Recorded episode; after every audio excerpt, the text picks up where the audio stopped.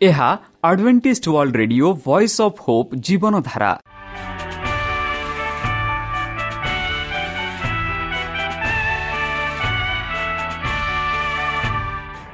Odia radio କାର୍ଯ୍ୟକ୍ରମ ଯାହା ଆମର ଆନ୍ତର୍ଜାତୀୟ ଆଘାତ କେନ୍ଦ୍ରରୁ ପ୍ରସାରଣ କରାଯାଉଛି ପ୍ରତିଦିନ ରାତି ନଅଟା ତିରିଶ ମିନିଟ୍ରେ।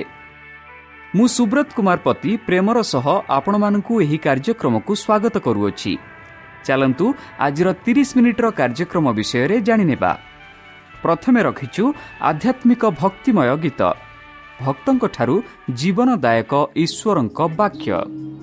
ପ୍ରିୟ ଶ୍ରୋତା ତାହେଲେ ଚାଲନ୍ତୁ ଶୁଣିବା ଏକ ଆଧ୍ୟାତ୍ମିକ ଭକ୍ତିମୟ ଗୀତ।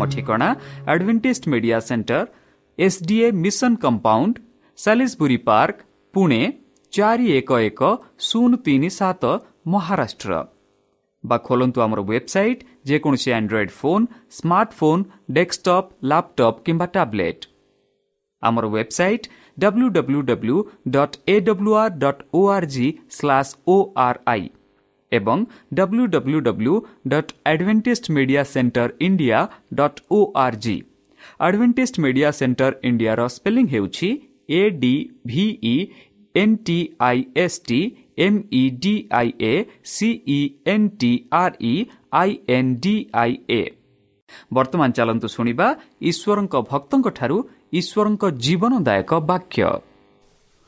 ପାପୀମାନେ ପାଉଁଶ ହୋଇଯିବେ। ନମସ୍କାର ପ୍ରିୟ ଶ୍ରୋତା ସେହି ସର୍ବଶକ୍ତି ସର୍ବଜ୍ଞାନୀ ପ୍ରେମର ସାଗର ଦୟାମୟ ଅନ୍ତର୍ଜମୀ ଅନୁଗ୍ରହ ପରମ ପିତାଙ୍କ ମଧୁର ନାମରେ ମୁଁ ପାଷ୍ଟ ପୂର୍ଣ୍ଣଚନ୍ଦ୍ର ଆଉ ଥରେ ଆପଣମାନଙ୍କୁ ଏହି କାର୍ଯ୍ୟକ୍ରମରେ ସ୍ୱାଗତ କରୁଅଛି। ସେହି ସର୍ବଶକ୍ତି ପରମେଶ୍ୱର ଆପଣମାନଙ୍କୁ ଆଶୀର୍ବାଦ କରନ୍ତୁ।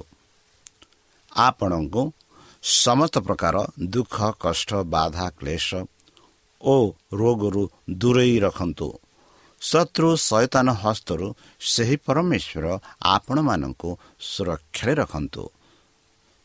ସେହି ପରମେଶ୍ୱର ଆପଣଙ୍କ ମନୋକାମନା ପୂର୍ଣ୍ଣ କରନ୍ତୁ। ସେହି ପରମେଶ୍ୱର ଆପଣମାନଙ୍କୁ ସୁସ୍ଥ ସବଳରେ ରଖନ୍ତୁ। ତାହାଙ୍କ ପ୍ରେମ ତାହାଙ୍କ ସ୍ନେହ ତାହାଙ୍କ କୃପା ତାହାଙ୍କ ଅନୁଗ୍ରହ ସଦାସର୍ବଦା ଆପଣଙ୍କଠାରେ ସହବର୍ତ୍ତୀ ରହୁ। ପ୍ରିୟସତା ଚାଲନ୍ତୁ ଆଜି ଆମ୍ଭେମାନେ କିଛି ସମୟ ପବିତ୍ର ଶାସ୍ତ୍ର ବାଇବଲଠୁ ତାହାଙ୍କ ଜୀବନଦାୟକ ବାକ୍ୟ ଧ୍ୟାନ କରିବା। ଆଜିର ଆଲୋଚନା ହେଉଛି ପାପୀମାନେ ପାଉଁଶ ହୋଇଯିବେ। ବନ୍ଧୁ ପାଉଁଶ ଯଦି ପାଉଁଶ ବିଷୟରେ ଆମେ କଥାବାର୍ତ୍ତା ହେବା ଆମେ ପାଉଁଶ କାହାକୁ କହୁ? ଆଉ କାହା ଦ୍ୱାରା ପାଉଁଶ ହୋଇଥାଏ? ଗତକାଲି ଆମେ ଦେଖିଥିଲୁ କି ପାପୀମାନଙ୍କୁ ଅଗ୍ନି ଦ୍ୱାରା ବିନଷ୍ଟ କରାଯିବ। ଆଉ ଆଜି ଆମେ ଆଲୋଚନା କରୁଅଛୁ କି ସେହି ପାପୀମାନେ ପାଉଁଶ ହୋଇଯିବେ। ମାନେ ସମ୍ପୂର୍ଣ୍ଣ ଭାବରେ ପୋଡ଼ାଯିବେ। ଏବେ ଯେବେ ଏବେ ସମ୍ପୂର୍ଣ୍ଣ ରୂପେ ପୋଡ଼ିଯିବେ ଆମେ ପୋଡ଼ିଲା ପରେ ଆମେ ଦେଖୁ ଖାଲି ପାଉଁଶ। ସେଥିରେ ଆଉ କିଛି ରୁହେନି। ସେଥିରେ ଜୀବନ କିଛି ନାହିଁ।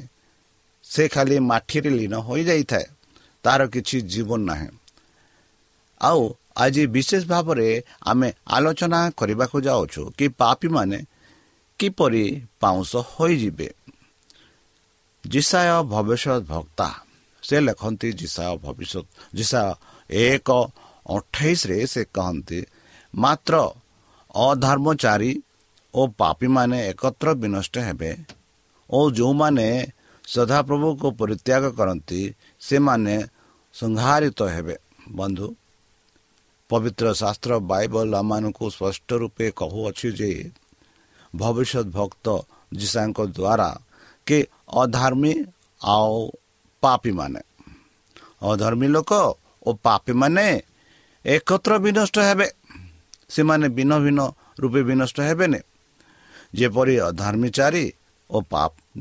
ଯେପରି ଅଧର୍ମଚାରୀ ବିନଷ୍ଟ ହୁଏ ସେହିପରି ପାପି ମଧ୍ୟ ସେହିପରି ବିନଷ୍ଟ ହୁଏ। ବୋଲି ଯିଶା ଭବିଷ୍ୟତ ବକ୍ତା ମାନଙ୍କୁ ସ୍ପଷ୍ଟ ରୂପେ ବୁଝାଇ କହୁଛି ସେ କହନ୍ତି କି ଏକତ୍ର ବିନଷ୍ଟ ହେବେ। ଓ ଯେଉଁମାନେ ସଦାପ୍ରଭୁଙ୍କୁ ପରିତ୍ୟାଗ କରନ୍ତି ବନ୍ଧୁ ସଦାପ୍ରଭୁଙ୍କ ପରିତ୍ୟାଗ ମାନେ ଯେଉଁମାନେ ସଦାପ୍ରଭୁଙ୍କର ବାକ୍ୟ ମାନି ନାହାନ୍ତି ଯେଉଁମାନେ ସଦାପ୍ରଭୁଙ୍କ ବିରୁଦ୍ଧରେ ଯାଇଛନ୍ତି ଯେଉଁମାନେ ସଦାପ୍ରଭୁଙ୍କ ବାକ୍ୟକୁ ବିନା ଆକାରରେ ବା ଭିନ୍ନ ରୂପରେ ଦର୍ଶାଇଛନ୍ତି ଦର୍ଶକମାନଙ୍କୁ ଯେଉଁମାନେ ମିଥ୍ୟା ସାକ୍ଷା ଦେଇଛନ୍ତି ଯେଉଁମାନେ ବ୍ୟବିଚାର କରିଛନ୍ତି ଯେଉଁମାନେ ପବିତ୍ର ଶାସ୍ତ୍ରକୁ ମାନି ନାହାନ୍ତି ସେମାନଙ୍କୁ ଆମେ ସେମାନେ ଆମେ ଦେଖୁଛୁ ସଦାପ୍ରଭୁ ପରିତ୍ୟାଗ କରନ୍ତି ମାନେ ସେମାନଙ୍କୁ ଛାଡ଼ି ଦିଅନ୍ତି ସେମାନଙ୍କୁ ଯତ୍ନ ନିଅନ୍ତି ନାହିଁ। ସେମାନଙ୍କ ଉପରେ ଆଉ କିଛି ଧ୍ୟାନ ଦିଅନ୍ତି ନାହିଁ। ଯେହେତୁ ସେମାନେ ଅଧର୍ମ ପାପି ଆଉ ବିଭିନ୍ନ ପ୍ରକାର ପାପ କାମ କରିଛନ୍ତି। ଆଉ ସେଥିଯୋଗୁଁ ଆମେ ପାଉଅଛୁ କି ସଦାପ୍ରଭୁ ପରିତ୍ୟାଗ କରନ୍ତି ତାହିଁ ନୁହେଁ ସେମାନେ ସିଂହାରିତ ହେବେ ବୋଲି ଆମେ ପାଉଅଛୁ। ବନ୍ଧୁ ଗୀତ ଲେଖକ ଯାହା ଆମେ ଗତକାଲି ଦେଖିଥିଲୁ ସଇଁତିରିଶ କୋଡ଼ିଏରେ କି ଗୀତ ଲେଖକ ମଧ୍ୟ ସ୍ପଷ୍ଟ ରୂପେ ଆମମାନଙ୍କୁ ବୁଝାଇ କହୁଛନ୍ତି କି ମାତ୍ର ଦୁଷ୍ଟମାନେ ବିନଷ୍ଟ ହେବେ। ବନ୍ଧୁ ନିଶ୍ଚିତ ରୂପେ ପବିତ୍ର ଶାସ୍ତ୍ର ବାଇବଲ ଆମମାନଙ୍କୁ ସ୍ପଷ୍ଟ ଭାବରେ କହୁଅଛି ଯେ କି ଦୁଷ୍ଟମାନେ ନିଶ୍ଚିତ ରୂପେ ବିନଷ୍ଟ ହେବେ। ପୁଣି ସଦାପ୍ରଭୁଙ୍କ ଶତ୍ରୁମାନେ ଚରାସ୍ଥାନରେ ଶୋଭା ସ୍ୱରୂପ ହେବେ। ସେମାନେ ନିଷ୍ପଷିତ ହେବେ। ସେମାନେ ଧୂମରେ ନିଷ୍ପଷିତ କରାଯିବେ ବୋଲି ଗୀତ ଲେଖକ ସଇଁତିରିଶ କୋଡ଼ିଏରେ ଲେଖନ୍ତି। ବନ୍ଧୁ ତାହା ନୁହେଁ ପାପୀମାନଙ୍କୁ ଗ୍ରାସ କରାଯିବ। ପାପୀମାନେ ପାଉଁଶ ହୋଇଯିବେ ପାପୀମାନେ ବିନଷ୍ଟ ହେବେ ପାପମାନଙ୍କୁ ଗ୍ରାସ କରାଯିବ ବୋଲି ଆମେ ଦେଖୁଅଛୁ। ଗୀତ ଲେଖକ ଏକୋଇଶ ତାର ନଅରେ ଆମେ ପାଉଅଛୁ। ବନ୍ଧୁ କି ତୁମ୍ଭେ ଆପଣା କ୍ରୋଧ ସମୟରେ ସେମାନଙ୍କ ପ୍ରଜ୍ୱଳିତ ଭାଟି ତୁଲ୍ୟ କରିବ।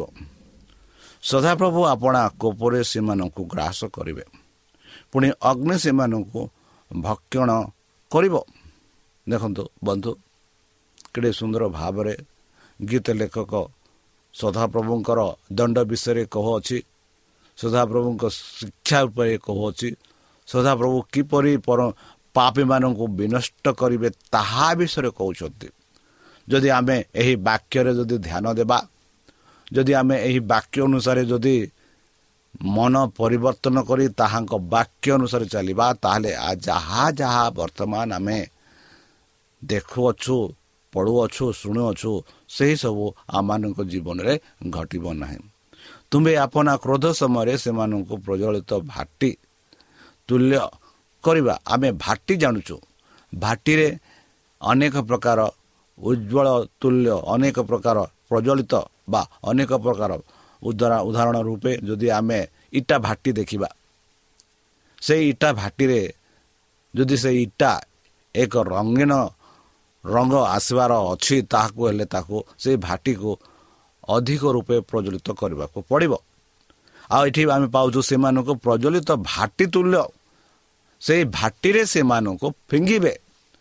ସେଇ ଯେଉଁ ପ୍ରଚଣ୍ଡ ଭାଟିରେ ଯେଉଁଠିକି ଅଗ୍ନି ପ୍ରଚଣ୍ଡ ରୂପେ ଜଳୁଅଛି ସେହି ଭାଟିରେ ସେମାନଙ୍କୁ ପକାଯିବ ବୋଲି ଆମେ ଦେଖୁଅଛୁ। ସଦାପ୍ରଭୁ ଆପଣା କୋପରେ ସେମାନଙ୍କୁ ଗ୍ରାସ କରିବେ।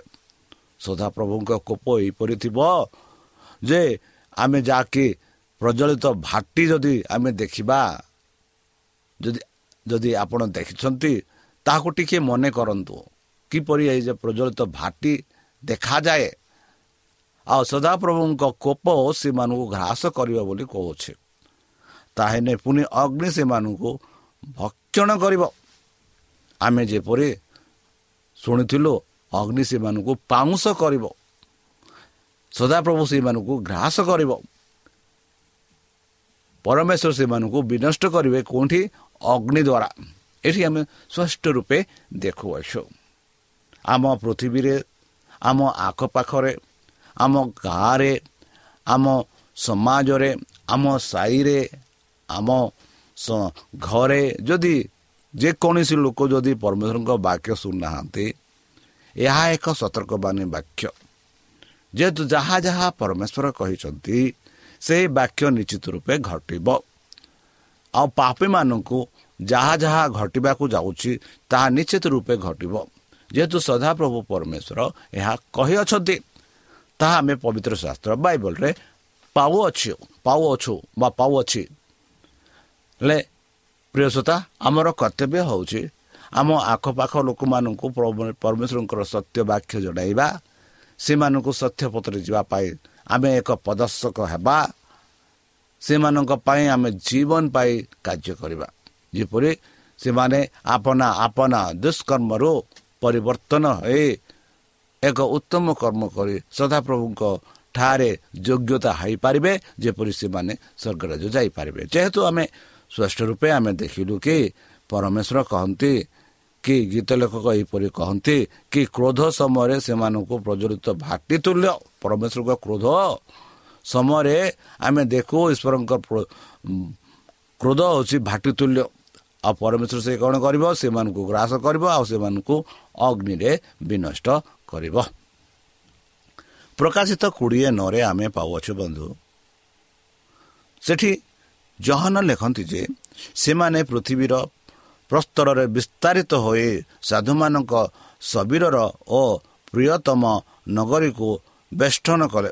ସେତେବେଳେ ସ୍ୱର୍ଗରୁ ଅଗ୍ନି ପଡ଼ି ସେମାନଙ୍କୁ ଗ୍ରାସ କଲା। ବନ୍ଧୁ ଏଇ ଯେଉଁ ଅଗ୍ନି ବିଷୟରେ ଆମେ କଥାବାର୍ତ୍ତା ହେଉଛୁ ସେ ଅଗ୍ନି କେଉଁଠୁ ଆସିବ ସେ ଅଗ୍ନି ଯିଏକି ସାଧାରଣ ରୂପେ ଆମେ ଭେଟିରେ ଦେଖିଥାଉ ସାଧା ରୂପେ କୌଣସି କାର୍ଯ୍ୟ ପାଇଁ ଅଗ୍ନି ଘରକୁ ଘ୍ରାସ କରିଥାଏ ବା ଫ୍ୟାକ୍ଟ୍ରିକୁ ଘ୍ରାସ କରିଥାଏ ସେଇ ଅଗ୍ନି ବିଷୟରେ ଆମେ କହୁନାହୁଁ ମାତ୍ର ସେ ଯେଉଁ ଅଗ୍ନି ଆମେ କହୁଅଛୁ ଆଜିକାଲି ଯାହା ଆମେ ବର୍ଷା ଦେଖୁଛୁ ସେଇ ବର୍ଷା ପରି ଅଗ୍ନି ସ୍ୱର୍ଗରୁ ଆସିବ।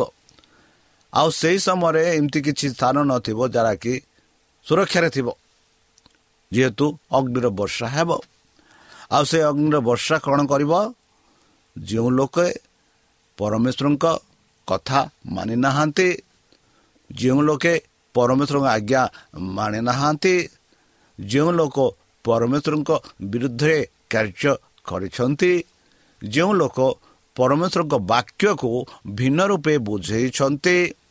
ଆଉ ଯେଉଁ ଲୋକେ ପରମେଶ୍ୱରଙ୍କ ବାକ୍ୟ କହି ମାତ୍ର ସେମାନେ ଶୈତାନ ପଥରେ ସେମାନଙ୍କୁ ନେଇଛନ୍ତି ସେମାନଙ୍କୁ ଆମେ ଦେଖୁଅଛୁ ସ୍ୱର୍ଗରୁ ସେହି ଅଗ୍ନି ଆସିବ ଆଉ ସେ ଅଗ୍ନି ପଡ଼ି ସେମାନଙ୍କୁ ଗ୍ରାସ କରିବ ବୋଲି ଆମେ ଦେଖୁଅଛୁ। ବନ୍ଧୁ ଏଭ୍ରି ଦଶ ସତାଇଶ ସେଠି ଆମେ ପାଉଅଛୁ ବରଂ ବିଚାରର ଏକ ପ୍ରକାର ଭୟଙ୍କର ପ୍ରତୀକ୍ଷା ଓ ବିପକ୍ଷତା ବିପକ୍ଷତା ମାନଙ୍କୁ ଗ୍ରାସକାରୀ ଅଗ୍ନିର ପ୍ରଚଣ୍ଡତା ଅବଶିଷ୍ଟ ଥାଏ। ବନ୍ଧୁ ଏକ ପଦ ଆମେ ପାଉଛୁ ଭୟଙ୍କର। ଭୟଙ୍କର। ଯାହା ଭୟଙ୍କର ମାନେ ଯାହା ଆମେ ବର୍ଣ୍ଣନା କରିପାରିବା ନାହିଁ କି କହିପାରିବା ନାହିଁ ସେହିପରି ଭୟଙ୍କର ପ୍ରତୀକ୍ଷା ଓ ବିପକ୍ଷ ମାନଙ୍କୁ ଗ୍ରାସକାରୀ ଅଗ୍ନିର ପ୍ରଚଣ୍ଡତା ଅବଶିଷ୍ଟ ହେବ ବୋଲି ସାଧୁ ପାଉଲ ଏଭ୍ରି ଦଶ ସତେଇଶରେ ଆମମାନଙ୍କୁ ସତର୍କ ଦେଇ କହୁଅଛନ୍ତି କି ଆମେ ଏହି ବାକ୍ୟ ଦ୍ୱାରା ଆମେ ନିଜକୁ ସତର୍କ କରିବା ଆମ ପରିବାରକୁ ସତର୍କ କରିବା ଆମ ବନ୍ଧୁବାନ୍ଧବଙ୍କୁ ସତର୍କ କରିବା। ଆଉ ଯେତେ ଲୋକେ ଆମ ଆଖପାଖରେ ବାସ କରୁଛନ୍ତି ଆମ ପଡ଼ୋଶୀ ଲୋକ ଅଛନ୍ତି ଆଉ ଯେତେ ଲୋକ ଆମ ସମାଜରେ ରହୁଛନ୍ତି ସେମାନଙ୍କୁ ସେହି ଯୀଶୁଖ୍ରୀଷ୍ଟଙ୍କ ବିଷୟରେ ସତର୍କ ଦେଇ କହିବା ଯେପରିକି ସେମାନେ ସତର୍କ ହୋଇ ସେ ସ୍ୱର୍ଗରାଜ ଯିବା ପାଇଁ ନିଜକୁ ପ୍ରସ୍ତୁତ କରିପାରିବେ। ବନ୍ଧୁ ଯେହେତୁ ଆମେ ଦେଖୁଅଛୁ ପ୍ରଚଣ୍ଡତା ଅବଶିଷ୍ଟ ଥାଏ ଅଗ୍ନିର ପ୍ରଚଣ୍ଡତା ଅବଶିଷ୍ଟ ସମୟରେ ହୋଇଥାଏ ବୋଲି ଆମେ ଦେଖୁଅଛୁ। ତାହା ନୁହେଁ ଆମେ ଦେଖୁଛୁ ପାପୀମାନଙ୍କୁ ପୃଥିବୀରୁ ବିଚ୍ଛିନ୍ନ କରାଯିବ। ପାପୀମାନଙ୍କୁ ପୃଥିବୀରୁ ବିଚ୍ଛିନ୍ନ କରାଯିବ ବୋଲି ଆମେ ଦେଖୁଅଛୁ। ଯଦି ଆମେ ପଢ଼ିବା ଗୀତ ଲେଖକ ତାର ସଇଁତିରିଶ ଦୁଇ ନଅ ବାଇଶ ଅଠେଇଶ ଚଉତିରିଶ ଆଠ। ଯଦି ଆମେ ଏହି ପଦସ୍ଥଳ ଗୁଡ଼ିକ ପଦସ୍ଥଳ ଗୁଡ଼ିକ ଗୁଡ଼ିକ ପଢ଼ିବା ସେଠି ଆମେ ଦେଖୁଅଛୁ ଯେ ଏହିପରି ଲେଖା ଅଛି କାରଣ ସେମାନେ ଘାସ ପରି ଗ୍ରୀଷ କଟା ଯିବେ। ଆମେ ଘାସ। କେଡ଼େ ସୁନ୍ଦର ଭାବରେ ଗୀତ ଲେଖକ କହୁଛନ୍ତି ଘାସ ପରେ ଘାସ ପରେ ଗ୍ରୀଷ୍ମ କଟାଯିବେ ଓ କୋମଳ ତୃଣ ପରି ସୁଷ୍ଟ ହେବା କାରଣ ଦୁଷ୍କର୍ମକାରୀମାନେ ଉଚ୍ଛିନ୍ନ ହେବେ। ମାତ୍ର ସଦାପ୍ରଭୁ ଅପେକ୍ଷାକାରୀମାନେ ଦେଶାଧିକା ହେବେ କାରଣ ତାହାଙ୍କର ଆଶୀର୍ବାଦ ପ୍ରାପ୍ତ। ଲୋକେ ଦେଶାରିକା ଦେଶାଧିକାର କରିବେ। ପୁଣି ତାହାଙ୍କର ଅଭିଶାପ୍ତ ଲୋକେ ଉଚ୍ଛିନ୍ନ ହେବେ। କାରଣ ସଦାପ୍ରଭୁ ନ୍ୟାୟ ବିଚାର ଭଲ ପାଆନ୍ତି ଓ ଆପନା ସ୍ୱଭକ୍ତମାନଙ୍କୁ ପରିତ୍ୟାଗ କରନ୍ତି ନାହିଁ। ସେମାନେ ଅନନ୍ତକାଳ ସୁରକ୍ଷିତ ହୁଅନ୍ତି। ମାତ୍ର ଦୁଷ୍ଟର ବଂଶ ଉଚ୍ଛିନ୍ନ ହେବେ। ସଦାପ୍ରଭୁଙ୍କର ଅନୁସରଣ କର ଓ ତାହାଙ୍କ ପଥ ରକ୍ଷା କର। ତହିଁରେ ସେ ତୁମକୁ ଦେଶାଧିକାର ନିମନ୍ତେ ଉନ୍ନତ କରିବେ। ଦୁଷ୍ଟମାନେ ଉଚ୍ଛିନ୍ନ ହେବା ସମୟରେ ତୁମେ ତାହାଙ୍କ ଦେଖିବା ମାତ୍ର ଅଧର୍ମଚାରୀମାନେ ଏକାବେଳେ ବିନଷ୍ଟ ହେବେ। ଦୁଷ୍ଟର ଶେଷ ଫଳ ଉଚ୍ଛିନ୍ନ ହେବା ହେଉଛି ବୋଲି ଆମେ ଦେଖୁଅଛୁ। ବନ୍ଧୁ କେଡ଼େ ସୁନ୍ଦର ଭାବରେ ସାଧୁ ପାଉଲ ସେହି ଦଣ୍ଡ ବିଷୟରେ ସେହି ଗୀତ ଲେଖକ କେଡ଼େ ସୁନ୍ଦର ଭାବରେ ସେହି ଦଣ୍ଡ ବିଷୟରେ ଲେଖୁଛନ୍ତି। ଆଉ ସେ ବି ଲେଖୁଛନ୍ତି ଯେଉଁ ଲୋକ ତାଙ୍କ ଅନୁସରଣ କରନ୍ତି ତାଙ୍କ କଥା ମାନନ୍ତି ସେମାନଙ୍କୁ ସଦାପ୍ରଭୁ ଆଶ୍ରୟ ଦିଅନ୍ତି ସୁରକ୍ଷା ଦିଅନ୍ତି ସେମାନଙ୍କୁ ସ୍ୱର୍ଗରାଜକୁ ନିଅନ୍ତି ବୋଲି ଆମେ ଦେଖୁଅଛୁ ବନ୍ଧୁ ଯେପରି ହିତପ୍ରଦେଶ ଦୁଇ ବାଇଶରେ ଆମେ ଦେଖୁଅଛୁ ମାତ୍ର ଦୁଷ୍ଟଗଣ ଦେଶରୁ ଉଚ୍ଛିନ୍ନ ହେବେ କିଏ? ଦୁଷ୍ଟଗଣ ଦୁଷ୍ଟ ଲୋକେ ପାପୀମାନେ ଓ ବିଶ୍ୱାସଘାତ ମାନେ ତହିଁରୁ ଉତ୍ପାଦିତ ହେବେ। ଆମେ ଦେଖୁଛୁ ବିଶ୍ୱାସଘାତ। ଏହି କଥା ଆମେ ସାଧାରଣ ଭାବେ ଆମ ପାରିବାରିକ ଜୀବନରେ ହୋଇଥାଉ ଆମ କାର୍ଯ୍ୟକ୍ଷେତ୍ରରେ ବି ହୋଇଥାଉ ବା ଆମ ସମାଜରେ ବି ହୋଇଥାଉ। ପବିତ୍ର ଶାସ୍ତ୍ର ବାଇବଲରେ ମଧ୍ୟ ଆମେ ଦେଖୁଛୁ ଯୋଦା ଯୀଶୁଖ୍ରୀଷ୍ଟଙ୍କୁ ବିଶ୍ୱାସଘାତ କରିଥିଲେ ଆଉ ପାପୀମାନଙ୍କ ହସ୍ତରେ ସମର୍ପଣ କରିଥିଲେ। ଆଉ ସେହିପରି ଆମ ସମାଜରେ ମଧ୍ୟ ଏହିପରି ହୋଇଥାଏ। ଆଉ ସେମାନଙ୍କୁ ମଧ୍ୟ କ'ଣ କରାଯିବ? ଯେଉଁମାନେ ବିଶ୍ୱାସଘାତ କରିଥାନ୍ତି ଆଉ ସେମାନଙ୍କୁ ମଧ୍ୟ ପରମେଶ୍ୱର ବିନଷ୍ଟ କରିବେ। ସେମାନେ ମଧ୍ୟ ସ୍ୱର୍ଗରାଜ ଯିବାର ଯୋଗ୍ୟ ହେଇପାରିବେ ନାହିଁ। ଯେହେତୁ ସେମାନେ ସେମାନଙ୍କ ଜୀବନକୁ ବିଶ୍ୱାସଘାତ ରୂପେ ସେମାନେ ଜୀବନକୁ ପରିଚାଳନା କରିଛନ୍ତି। ଆଉ ସେଥିଯୋଗୁଁ ଆମେ ଦେଖୁଅଛୁ ଦୁଷ୍ଟଗଣ ଦେଶରୁ ଉଚ୍ଛିନ୍ନ ହେବେ ତାହା ନୁହେଁ ବିଶ୍ୱାସଘାତ ମାନେ ମଧ୍ୟ ସେହିପରି ହେବ। ବନ୍ଧୁ ପରିଶେଷ ଆମେ ଦେଖୁଅଛୁ ପାପୀମାନେ ନରକକୁ ଯିବେ ଏଭ୍ରି ଦଶ ଅଣଚାଳିଶ ମାତ୍ର ଯେଉଁମାନେ ବିନାଶ ନିମନ୍ତେ ପାଚାତ୍ପତ ହୁଅନ୍ତି ଆମେମାନେ ସେମାନଙ୍କ ଦଳର ଲୋକ ନୁହଁ କିନ୍ତୁ ଯେଉଁମାନେ ଆତ୍ମାର ପରିତ୍ରାଣ ନିମନ୍ତେ ବିଶ୍ୱାସ କରନ୍ତି ଆମେମାନେ ସେମାନଙ୍କ ଦଳର ଲୋକ ଅଟୁ ବନ୍ଧୁ ଆମେ ପାଉଅଛୁ ଦ୍ୱିତୀୟ ପିତର ତିନି ସାତରେ ପୁଣି ଏବଂ ଏହି ବର୍ତ୍ତମାନ ଆକାଶ ମଣ୍ଡଳ ଓ ପୃଥିବୀ ସେହି ବାକ୍ୟ ଦ୍ୱାରା ଅଧାର୍ମିକ ଲୋକମାନଙ୍କର ବିଚାର ଓ ବିନାଶ ଦିନ ପର୍ଯ୍ୟନ୍ତ ସଞ୍ଚିତ ହୋଇ ଅଗ୍ନି ନିମନ୍ତେ ରକ୍ଷତ ହୋଇଅଛନ୍ତି ବୋଲି ପିତର ଲେଖୁଛନ୍ତି। ମାଲାକି ଚାରି ଏକ ଟୁ ତିନିରେ ଆମେ ଦେଖୁଅଛୁ ବନ୍ଧୁ। କାରଣ ଦେଖ ସେଦିନ ଆସୁଅଛି ତାହା ଦ୍ୱନ୍ଦ୍ୱର ପରି ଜଳୁଅଛି। ପୁଣି ଅହଙ୍କାରୀ ଓ ଦୁଷ୍ଟଚାରୀ ସମସ୍ତେ ନଡ଼ା ପରି ହେବେ। ମନେ ରଖନ୍ତୁ ଅହଙ୍କାରୀ ଦୁଷ୍ଟଚାରୀ ସମସ୍ତେ ନଡ଼ା ପରି ହେବେ। ଆଉ ସେମାନଙ୍କ ବୃତ୍ତି କି ଡାକ ଯେପରି ଅବଶିଷ୍ଟ ନ ରହିବ ଏଥିପାଇଁ ଯେଉଁ ଦିନ ଆସୁଅଛି ତାହା ସେମାନଙ୍କୁ ଦୁଗ୍ଧ କରିବ। ଏହା ସୈନ୍ୟାଧିପତି ସଦାପ୍ରଭୁ କହନ୍ତି। ପୁଣି ତୁମ୍ଭେମାନେ ଦୁଷ୍ଟମାନଙ୍କ ପଦ ତଳେ ତଳେ ପକାଇବ କାରଣ ସୈନ୍ୟାଧିପତି ସଦାପ୍ରଭୁ କହନ୍ତି। ଯେଉଁଦିନ ଆମେ କାର୍ଯ୍ୟ କରିବା ସେଦିନ ସେମାନେ ତୁମମାନଙ୍କ ତଳିବାର ଅଧସ୍ଥିତ ଉତ୍ପ ହେବ। ବନ୍ଧୁ କେଡ଼େ ସୁନ୍ଦର ଭାବରେ ପବିତ୍ର ଶାସ୍ତ୍ର ବାଇବଲରେ ଆମେ ପାଉଅଛୁ। ଏହା ଆମମାନଙ୍କ ପାଇଁ ଏକ ସତର୍କବାଣୀ। ଯେପରି ଆମେ ନିଜକୁ ପରିବର୍ତ୍ତନ କରିପାରିବା ଯେପରି ଆମ ଜୀବନକୁ ଏକ ସତ୍ୟ ପଦରେ ନେଇପାରିବା ଏହା ଆମମାନଙ୍କ ପାଇଁ ଏକ ସତର୍କବାଣୀ ବାକ୍ୟ। ତାହେଲେ ଚାଲନ୍ତୁ ଏହି ସତର୍କବାଣୀ ବାକ୍ୟ ନେଇ ନିଜ ମନକୁ ପରିବର୍ତ୍ତନ କରି ଯଦି ଆମେ କିଛି ଭୁଲ କାର୍ଯ୍ୟ କରୁଛୁ ଦୁଷ୍କର୍ମ କରୁଛୁ ସେ ଦୁଷ୍କର୍ମରୁ ପରିବର୍ତ୍ତନ ହୋଇ ଏକ ଶୁଦ୍ଧ କାମ ଭଲ କାମ କରିବା ଯେପରିକି ଆମେ ସେହି ସ୍ୱର୍ଗରାଜ ଯିବାର ଯୋଗ୍ୟ ହେବା। ତାହେଲେ ଚାଲନ୍ତୁ ନିଜକୁ ସମର୍ପଣ କରି ସେହି ସଦାପ୍ରଭୁ ପରମେଶ୍ୱରଙ୍କ ନାମରେ ଆମେ ଏକ ଛୋଟ ପ୍ରାର୍ଥନା କରିବା। ହେ ଆମ୍ଭମାନଙ୍କ ସର୍ବଶକ୍ତି ସର୍ବଜ୍ଞାନୀ ପ୍ରେମର ସାଗର ଦୟାମୟ ଅନ୍ତର୍ଜମୀ ଅନୁଗ୍ରହ ପରମଭିତ ଧନ୍ୟବାଦ ଅର୍ପଣ କରୁଛୁ ପ୍ରଭୁ। ବର୍ତ୍ତମାନ ଯେଉଁ ବାକ୍ୟ ତୁମ ସେହି ଭକ୍ତ ଶୁଣାଇଲେ ସେହି ବାକ୍ୟ ଅନୁସାରେ ଆମମାନଙ୍କୁ ଚାଲିବା ପାଇଁ ବୁଦ୍ଧିରେ ଜ୍ଞାନରେ ଶକ୍ତିରେ ପରିପୂର୍ଣ୍ଣ କର। ଆମ ପାପ ସବୁ ତୁମ ସେହି ବହୁମୂଲ୍ୟ ରକ୍ତରେ ପରିଷ୍କାର ରୂପେ ଧୋଇଦିଅ ଶତ୍ରୁ ସୈତାନ ହସ୍ତରୁ ଆମମାନଙ୍କୁ ସୁରକ୍ଷାରେ ରଖ। ଆଉ ପରିଶେଷ ଯେବେ ତୁମେ ତୁମ ସେହି ସହସ୍ର ଦୂତଙ୍କ ସହ ଆସିବେ ହେ ପରମେଶ୍ୱର ଆପଣା ସାଧୁମାନଙ୍କୁ ସଂଗ୍ରହ କରିବା ନିମନ୍ତେ ସେତେବେଳେ ଆମମାନଙ୍କୁ ଏକ ବାସସ୍ଥାନ ଦେବ ବୋଲି ତ୍ରାଣକର୍ତ୍ତା ପ୍ରଭୁ ଯୀଶୁଙ୍କ ମଧୁମୟ ନାମରେ ଏହି ଛୋଟ ବିକ୍ଷମା ଅଛି ଶୁଣି ଗ୍ରହଣ କର।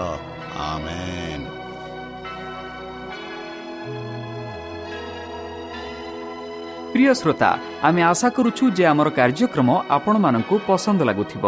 ଆପଣଙ୍କର ମତାମତ ଜଣାଇବା ପାଇଁ ଆମର ଏହି ଠିକଣାରେ ଯୋଗାଯୋଗ କରନ୍ତୁ ଆମ ଠିକଣା advantage media centre S D A mission compound Salisbury park Pune ଚାରି ଏକ ଏକ ଶୂନ ତିନି ସାତ ମହାରାଷ୍ଟ୍ର ବା ଖୋଲନ୍ତୁ ଆମର ୱେବସାଇଟ୍ ଯେକୌଣସି Android phone smartphone desktop laptop କିମ୍ବା ଟ୍ୟାବ୍ଲେଟ୍ ଆମର website W W W dot A W R dot O R G slash O R I ଏବଂ W W W dot advantage media centre India dot O R G advantage media centre ଇଣ୍ଡିଆର spelling ହେଉଛି A D V E N T I S T M E D I A C E N T R E I N D I A ଅଥବା download କରନ୍ତୁ ଆମର mobile app ଆପଣଙ୍କର mobile play ଷ୍ଟୋର୍କୁ ଯାଆନ୍ତୁ ଆଉ type କରନ୍ତୁ the Voice of Hope ଆଉ download କରନ୍ତୁ। ଈଶ୍ୱର ଆପଣଙ୍କୁ ଆଶୀର୍ବାଦ କରନ୍ତୁ। ଧନ୍ୟବାଦ।